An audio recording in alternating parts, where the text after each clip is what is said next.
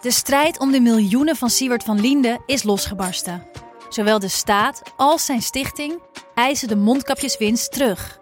Maar dat die opbrengst in ieder geval niet thuis hoort bij Van Linde, daarover kan toch eigenlijk geen twijfel bestaan. Hoe kon het zo ver komen? Dit is het. We hebben beet. En als Siewert het geld teruggeeft, kunnen wij dit schandaal dan eindelijk loslaten? Je hoort het in de Mondkapjesmiljonairs, exclusief bij Podimo. Ga naar podimo.nl/slash mondkapjes. Kijk, het gesprek begon ogenschijnlijk over het onrecht dat mensen wordt aangedaan als er zo'n vernietigende recensie wordt geschreven. En wat dat met mensen doet. Ja. Daar leek het gesprek over te gaan.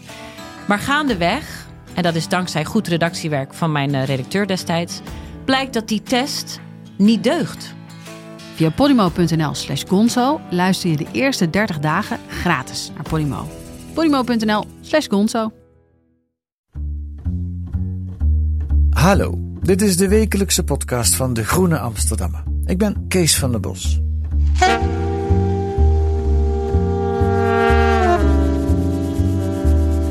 Wat is het verschil tussen een goede complottheorie en een onderzoeksjournalistieke onthulling? Wat is de aantrekkingskracht van complottheorieën? En wat hebben trollen daarmee te maken? Daarover gaan we praten met Koen van de Ven, redacteur van De Groene. Welkom Koen. Dankjewel. Jij zorgde ervoor dat De Groene twee weken geleden volop in het nieuws was. En wel met dit bericht. Ja, we beginnen in eh, eigen land eh, met nieuws van de Groene Amsterdammer. Medewerkers van een Russische trollenfabriek die hebben zich in de twee dagen na het neerhalen van vlucht MH17 in meer dan 65.000 tweets geprobeerd Oekraïne de schuld te geven. Dat schrijft de Groene Amsterdammer. Die hebben grondig onderzoek gedaan van 9 miljoen tweets eh, die afkomstig zijn uit die trollenfabriek met de naam The Internet Research Agency in Sint-Petersburg. Wat hebben jullie gedaan, Koen? Nou, wat wij eh, hebben gedaan is eh, eigenlijk die Russische trollentweets onderzocht. En eh, nou, dat startte ongeveer een jaar geleden. heb ik samen met Robert van der Noorda gedaan. Op dat moment eh, schreven we over desinformatie. Of eh, nou, meestal noemden dat eh, voor mij in die tijd zelfs nog nepnieuws. Ja. Ehm, Laten we meteen dat duidelijk stellen. Wat is het verschil tussen nepnieuws en nou, desinformatie? kijk, ja, nepnieuws is heel veel. Het nepnieuws gaat van satire tot een journalistieke blunder, tot een, ja, een politieke spin of markt. Dat kan van alles zijn. En je zou zeggen, en desinformatie is iets scherper geformuleerd, omdat daar echt de intentie in zit. Ja, om mensen op het verkeerde been te zetten. En meestal gebruiken we ook desinformatie in de context van eh, politieke discussies. Ja. Dus dat is ook wel ja, goed onderscheid. Desinformatie met de bedoeling om verwarring te zaaien, bijvoorbeeld. Ja, absoluut. Ja. En daar hebben we het hier over. Daar hebben we het hier over. En eigenlijk, eh, nou, het bekendste recente voorbeeld is eigenlijk eh, de Amerikaanse presidentiële verkiezingen. Als reactie daarop kregen we een hele discussie. Nou, die dis- discussie reikt echt tot aan in Nederland, waarbij onze minister van Binnenlandse Zaken, minister Ollongren, die zei eind 2017 van ja, de Russen zouden ons ook wel eens in het vizier kunnen hebben. Ja. Maar toen kwam ze eigenlijk nooit met overtuigende voorbeelden. En eh, ja, die, zijn wij, eh, die wilden wij eigenlijk gaan zoeken. Nou, en die heb je ook wel gevonden. In, in dit geval gaat het om 65.000 tweets die in twee dagen tijd van een trollenfabriek afkomstig waren. Even, hoe kwam je aan die berg tweets waar je die uitgehaald hebt? Ja, dat, dat is belangrijk om, om uit te leggen. En zoals zij begon eigenlijk deze hele discussies in de Verenigde Staten begonnen. Daar is ook Twitter, eh, ook andere platformen, maar onder meer Twitter is daar onder druk komen te staan van het congres om, meer, om transparanter te zijn. En dat heeft eigenlijk in geresulteerd dat ze sinds een jaar ook echt transparanter zijn geworden. Dus eerst kregen we lijsten met eh zogenaamde Twitter-handles, de, naams van die, de namen van die accounts. Maar eh stapsgewijs ook meer tweets. En ze hebben toen eh, afgelopen zomer een set van 3 miljoen tweets openbaar gemaakt. En in het najaar een set van 9 miljoen tweets. En voor dit laatste onderzoek hebben we gekeken naar die laatste dataset eh, van 9 miljoen eh, ja, Russische trollentweets. Hoe weet Twitter dat dit om trollentweets gaat? Ja, nou, die hebben dat uitgezocht en die schrijven dat toe eigenlijk aan, eh, aan specifiek de, ja, wat ze dan die trollenfabriek in Sint-Petersburg noemen. We hebben dat ook van Twitter gewoon zo aangenomen. Ja. Ehm, dus wij werken gewoon met die basisdataset en die zijn we gaan doorzoeken. Oké, maar dan heb je 9 miljoen tweets. Dan heb je een grote computer nodig. Eh, ja, ja nou, nou bij die eerste, ons allereerste onderzoek wat toen met 3 miljoen ging, toen ging het nog wel, maar bij deze we stopten inderdaad, eh, nou dat lukte eigenlijk niet meer op, eh, eh, op de laptop. In ieder geval niet de, de laptops die wij hadden, in ieder geval niet met de methode die wij hadden. Er zijn Ja. vast slimmere manieren om dat weer te doen. Maar die hadden wij niet, dus we zijn We hebben ze uh, ingelezen bij iemand die ik ken, die zit een paar grachten verderop uh, bij de Groene. Die werkt bij een betalingsbedrijf en die hebben veel snellere servers. Dus daar hebben we eerst de data op gezet en vanuit daar zoekopdrachten uitgevoerd. Wat we bijvoorbeeld hebben gedaan, we hebben op een gegeven moment een lijst aangelegd met heel veel woorden die met MA17 te maken zouden kunnen hebben. Dus de eerste keer was het een lijst van 63 zoektermen.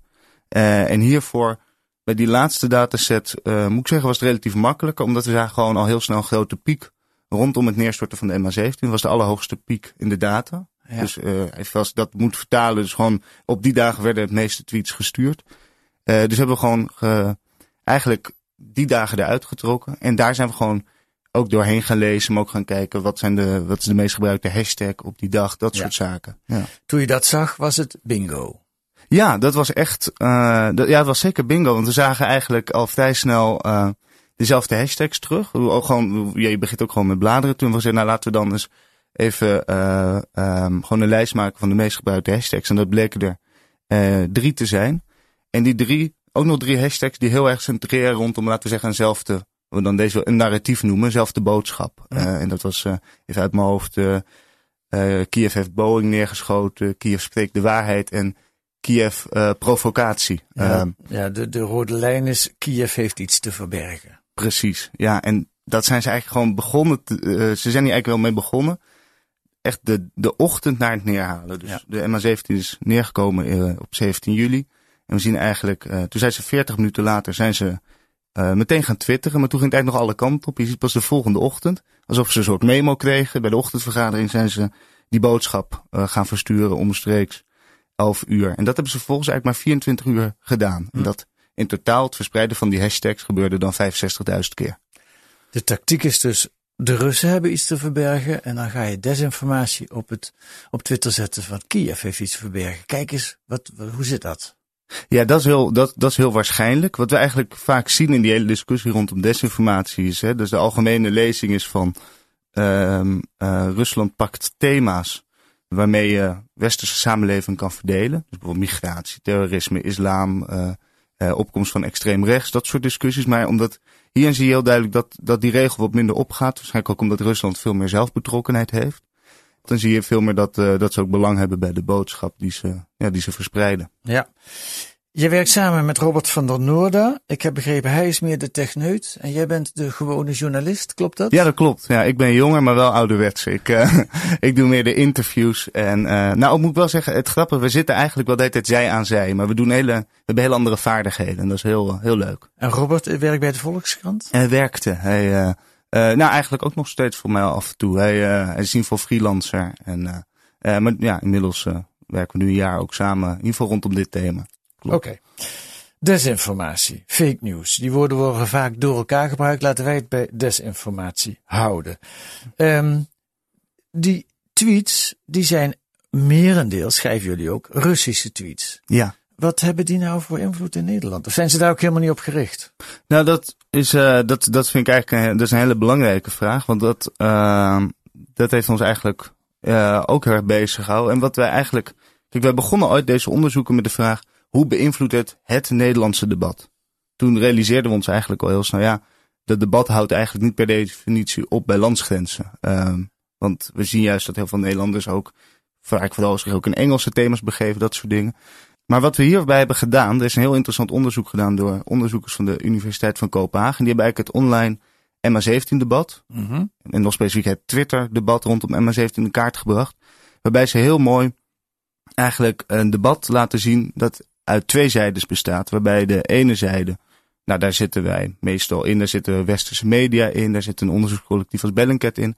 En aan de andere kant heb je heel een debat wat uh, veel sterker gedomineerd wordt door activisten, complotdenkers, maar ook de uh, Russische staatsmedia als Russia Today en Sputnik. Mm -hmm. het, als het ware twee wolken, twee bubbels. Precies, ja. ja de openbare ja. bubbel met de, met de, de officiële media en de complotdenkers.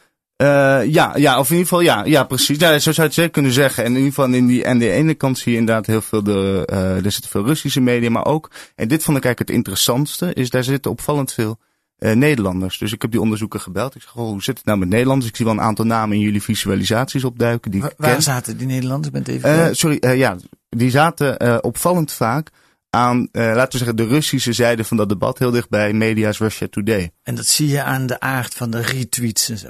Ja, precies. Ja, ze hebben gewoon gekeken naar hoeveel interactie is er. Dus hebben- hoeveel liken mensen elkaar, hoeveel retweeten mensen elkaar, hoeveel comment tussen elkaar. Op basis daarvan tekenen ze wolk en dan kan je eigenlijk, zie je eigenlijk een netwerk gevisualiseerd. En daar zie je inderdaad dat opvallend vaak, ja, dat de aanwezigheid van Nederlanders heel groot is in die, in die andere wolk. En dat is heel interessant. En ook omdat we meteen wel een aantal namen herkenden. Omdat mij was dat persoonlijk wel een keer opgevallen. Maar goed, dat is, dat is, heel, dat is een hele particuliere observatie. Dat je denkt, goh, ik zit op Twitter, ik lees over MH17. En wat is de dominantie van ja, hele ja, pro-Russische eh twitteraars? Wat, wat is die luid? Maar deze, die onderzoekers in Kopenhagen maken dat eigenlijk een stuk harder en eh, letterlijk inzichtelijker. Want ze hebben dat heel mooi gevisualiseerd. Het mooie van jullie artikel vind ik ook dat je daar in de tweede helft met name nader op ingaat. Hè? Wie zijn dat, die eh, complotdenkers, nuttige idioten, ofwel onafhankelijke journalisten? Het is een beetje vanuit welke hoek je daarnaar kijkt. Eentje daarvan, we laten er een paar doornemen. Is goed, Eh, ja. Eentje daarvan is Michiel Spekkers, een freelance journalist. Michel Spekkers ging naar Donetsk in Oekraïne om een verhaal te maken over de politieke spanningen. Bij toeval kwam hij uit op de rampplek van MH17. Vervolgens stuurde hij deze tweet de wereld in. Bij wie zou ik een vuilniszak vol met MH17-spullen het best kunnen brengen? De Tweede Kamer, het OM of bij mijn moeder? Nabestaanden waren niet over te spreken. Spekkers zegt nu dat hij de impact van zijn woorden heeft onderschat. Ik had niet gedacht dat het nog zo eh, gevoelig lag op dit moment. En dat is misschien omdat eh, het deels bij mij voorbij is gegaan. Ik heb veel in het buitenland gezeten en toen zat ik ook in het buitenland. En ik dacht eigenlijk dat het al heel stilletjes aan het weggaan was. Ik, wist niet dat het zo'n impact zou hebben eh, dat wat ik zou doen. Ik ben gewoon soms wat sarcastisch. Ik verontschuldig me voor die tweet. Maar dat betekent niet dat ik een onethisch mens ben. Michiel Spekkers, die publiceerde dus over een, een, een stoffelijke resten, een zak met stoffelijke resten die hij gevonden had. Later bleek uit de reconstructie van Bert Lanting in de Volkskrant dat hij die zak min of meer in handen gespeeld had gekregen van Stefan Beck en Graham Phillips. En Graham Phillips met name is een bekende complotdenker die zich heel veel op MH17 heeft bezig gehouden, hè, op MH17 gebied. Heb jij Spekkers gesproken? Ja, ja. Wat is dat voor iemand? Ja, ik moet zeggen, ik vond het zelf eigenlijk een hele aardige jongen. Ik heb ook wel eens gehoord van mensen die zich bijvoorbeeld, eh, die over Venezuela schrijven. Volgens mij ook best een, eh, nou ja, in ieder geval, eh, hij zegt zelf, hè, ik volg graag het onrecht de grens over. Er zijn ook wel wat publicaties geweest die de andere kant van hem laten zien. Het AD heeft uitgezocht dat hij, eh, ik geloof voor tienduizenden euro's aan, aan schulden heeft achtergelaten. Eh, omdat hij eh, steeds crowdfundt voor verhalen en vervolgens dat niet terugbetaalt. Het is wel een heel, het is wel een heel apart figuur. En in dit verhaal, wat ik eigenlijk heel interessant vond. Kijk, ik heb zelf, dat is misschien ook wel eerlijk om te zeggen, ik ben nooit naar Oost-Oekraïne geweest, maar ik heb wel heel veel journalisten gebeld de afgelopen tijd. En als ik het dan had over die groep van Nederlandse activisten, mensen die op eigen eh, houtje onderzoek gaan doen, complotdenkers. En hadden het over hem, vond ik eigenlijk dat journalisten vaak nog relatief mild over hem spraken. Als een, als een jongen die nou, die misschien ja, daar gewoon heen is gegaan, de context niet helemaal goed heeft beseft, misschien ook wel uh, complexiteit heeft onderschat en eigenlijk heel snel aan in het spoor is gaan lopen van zo'n Graham Phillips. En dat is wel echt een heel noodwaar figuur die ook echt, uh, als, je, hem googelt, kom je allemaal filmpjes tegen waar die uh, nou met botresten en dat soort dingen rondloopt. En toevallig, ik was vorige week toevallig in Litouwen voor een congres over desinformatie. Toen kwam er een oud Brits ambassadeur naar me toe. Die zegt, ik hoor dat je in je presentatie zegt de naam Graham Phillips, uh, die ken ik. Uh, die, uh, die stormt ook altijd bijeenkomsten in Londen binnen van Oekraïners om daar vervolgens de boel te gaan verstoren. Dat is een heel, heel, gewoon een heel apart figuur. Mhm. En die ook heel veel voorkomt in die dataset trouwens. Daarmee kwamen grepen die verhalen weer in elkaar. We kwamen, geloof ik, we kwamen bijna 2800 keer tegen. Maar je zou, ja. je zou kunnen zeggen, Spekkers is misschien een tikkeltje naïef en in de verkeerde handen terechtgekomen. D dat, gevoel, dat gevoel heb ik wel. Kijk, je kan nooit helemaal doorgronden, maar dat gevoel heb ik wel. En hij heeft daar ook, uh, uh, nou, hij zei dat, hij haalde dat ook in het gesprek wat ik met hem had. Hij zei, ja, daar heb ik eigenlijk al een paar keer mijn excuus voor aangeboden. En, uh, ja. Uh, en dat is ook gewoon zo. Hij zei, dat is, dat is niet handig geweest. Hij roert zich verder ook niet meer in het, in, in het MH17. Nee, ik geloof hij is nu heel druk bezig met Venezuela en Colombia okay, en. Zuid-Amerika, geloof ik. Ja. Nummer twee, Joost Niemuller. Dichterbij, want ooit medewerker van De Groene. Ja. Ik, ik, herinner me als lezer nog dat hij prachtig kon uh, schrijven. Die heeft een boek geschreven, De Doofpot Deal, over uh, uh, de MH17, drie maanden na de ramp al. Uh, hoe is hij in het kamp? Heb je hem ook gesproken? Ja, ook gesproken. Hoe is ja. hij in het kamp van de complotdenkers terechtgekomen, denk je? Nou, dat heb ik ook uh, gevraagd. En de, de, de, het leuke aan dat gesprek was dat hij eigenlijk ook gewoon heel, heel open was. Uh, ik, ik, begon ook, ik zeg, goh, weet je, vroeger schreef je voor ons, ver voordat ik er überhaupt schreef. en voor HP De Tijd. Ik zei, ja, en, en, hoe komt dat dan? En toen zei hij eigenlijk, hij zei, kijk, hij zegt sinds 9-11 en de moord op Pim Fortuyn is een hoop veranderd. Hij zegt, Eigenlijk toen je de Fortuyn-revolte in Nederland kreeg, toen is HP de Tijd, waar hij toen werkte, ook vaak beschuldigd dat ze daar te veel mee gingen. En hij zei ook heel onomwonden, maar dat klopt, daar ging ik ook in mee. Ik was een van de mensen die die koers heeft uitgezet en die ook is, eigenlijk is meegegroeid met dat sentiment in Nederland. En, en ook in, misschien wel in die straat journalistiek. Hij vindt namelijk ook echt nadruk, hij zegt ik ben gewoon nog altijd journalist. Uh, hij stoort zich ook een beetje aan dat label van complotdenken. En hij krijgt van alles naar zijn hoofd. Er wordt ook vaak al een schedelmeter genoemd, Poetin versteer. Hij krijgt een hoop labels. Maar hij zegt, nee, ik ben gewoon uh, journalist. Maar ik, uh, ik, word niet meer, ik ben niet meer te horen in de, in de mainstream. Hij wordt, um, hij wordt niet meer zo serieus genomen. Maar daar heeft hij het ook wel naar gemaakt door een hele hoop onzinnige informatie de wereld in te Ja, sturen. absoluut. Hij, hij, hij houdt zich nu bezig met hele obscure rassentheorieën. Ja. Uh, een paar jaar geleden migratie. op een manier die, ja, die zeer activistisch is. En die... Nou ja, die zeer nationalistisch, populistisch is. En, hij, uh, en hij duikt dus ook weer op in zo'n debat. Dat, is ook, ja. vind ik, dat vond ik vooral interessant. Ja, ja. ja. Dan hebben we nog Max van der Werf, nummer drie. Laten we eerst naar hem zelf luisteren. Hij, hij wordt uh, hier in het fragment dat ik laat horen geïnterviewd in Café Weltschmerz, een site met interviews. En de interviewer is Joost Niemuller. Dat is natuurlijk weer een beetje voer voor complotdenkers. ja. Want waarom zit hij nou zijn geestverwant te interviewen? Maar daar gaat het even niet over. Max van der Werf heeft een interessant uh, uitspraak waarom hij complotdenker is geworden.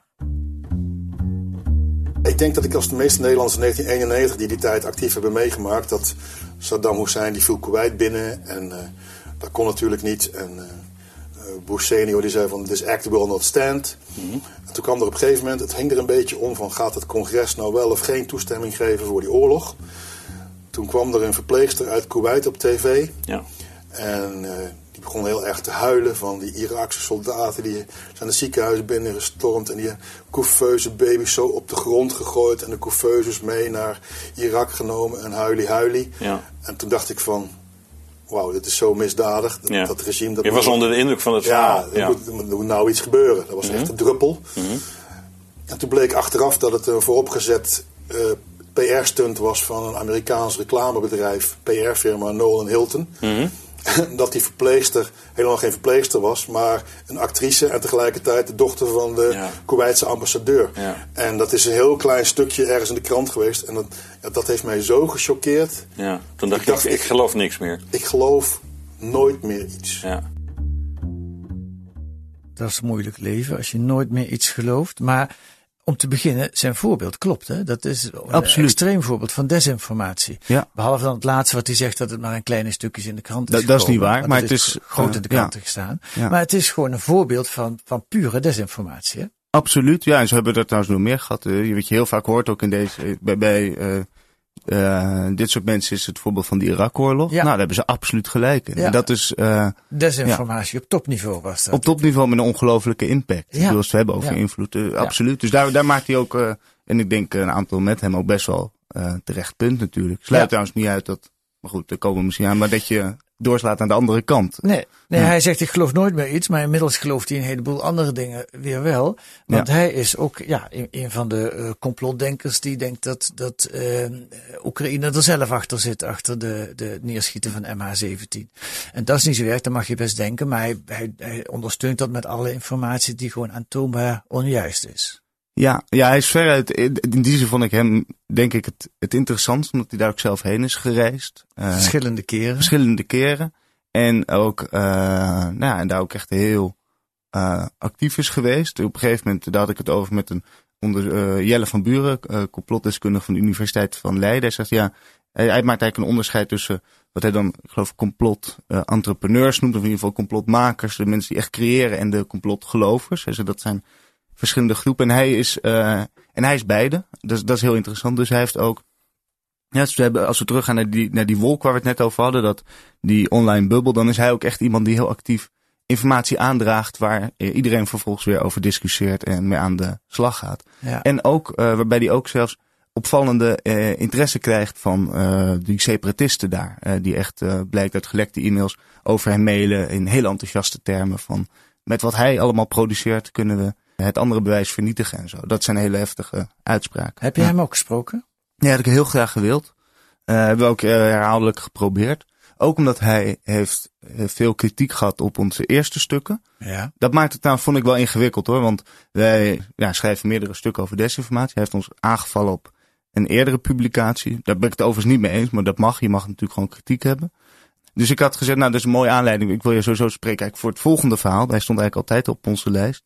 Maar hij heeft toen gezegd, nee, dat wil ik niet. Want ik eh, ben het ook niet eens met jullie andere publicatie. Dus ik reageer pas eh, als het gepubliceerd is. Dus jammer. Ja. En wat weet je verder over hem? Je hebt hem dus jammer genoeg niet gesproken. Maar wat, hoe, wat is jouw inschatting van, van hem? Ik vind het een beetje een vreemde figuur. Als ik hem daar zo zie zitten in dat interview met Joost Niemuller. Ik weet niet wat ik ervan moet denken. Nee, nou het interessante is bij deze, eh, bij deze het zijn allemaal mannen, is dat ze, ze hebben allemaal ehm, eh, een ontzettend, ze hebben allemaal een soort best wel heroïsch zelfbeeld. Ze zien zich heel erg als, vechters voor de waarheid, uh, stoppen er ook heel veel tijd en energie in.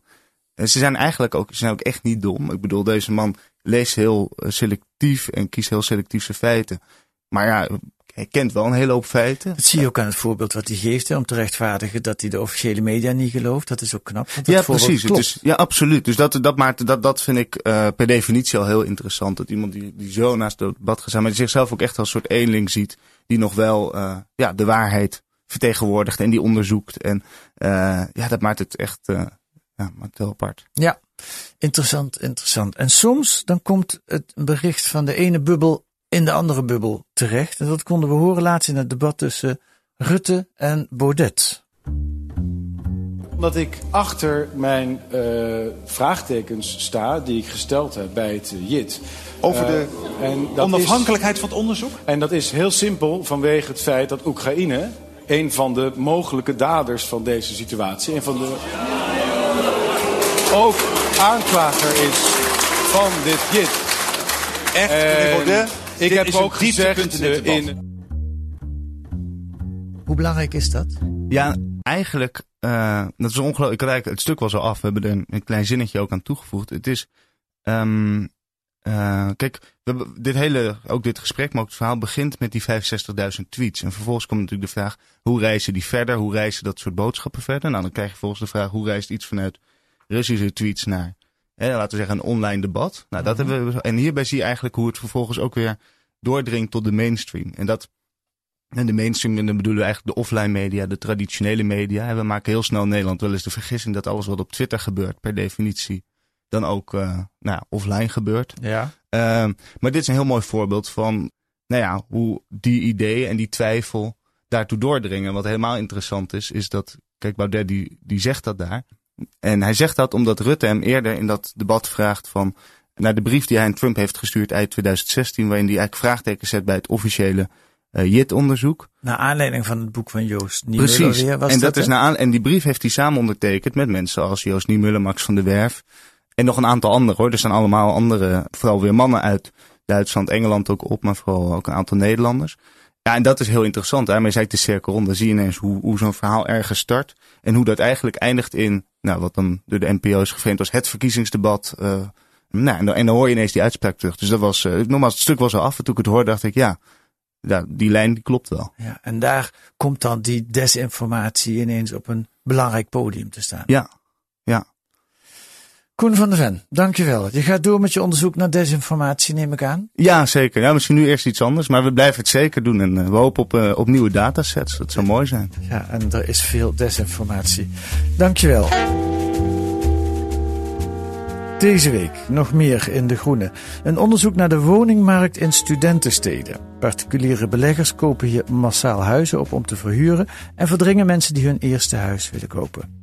En een reportage over het harde integratiebeleid in Denemarken.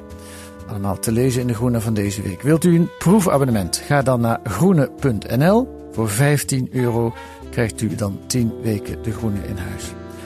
En volgende week zijn wij er weer. Deze week werd de Groene Podcast gemaakt door Chesse Riemersma en Kees van der Bos. En de muziek is A Tune for N van Paul van Kemenade.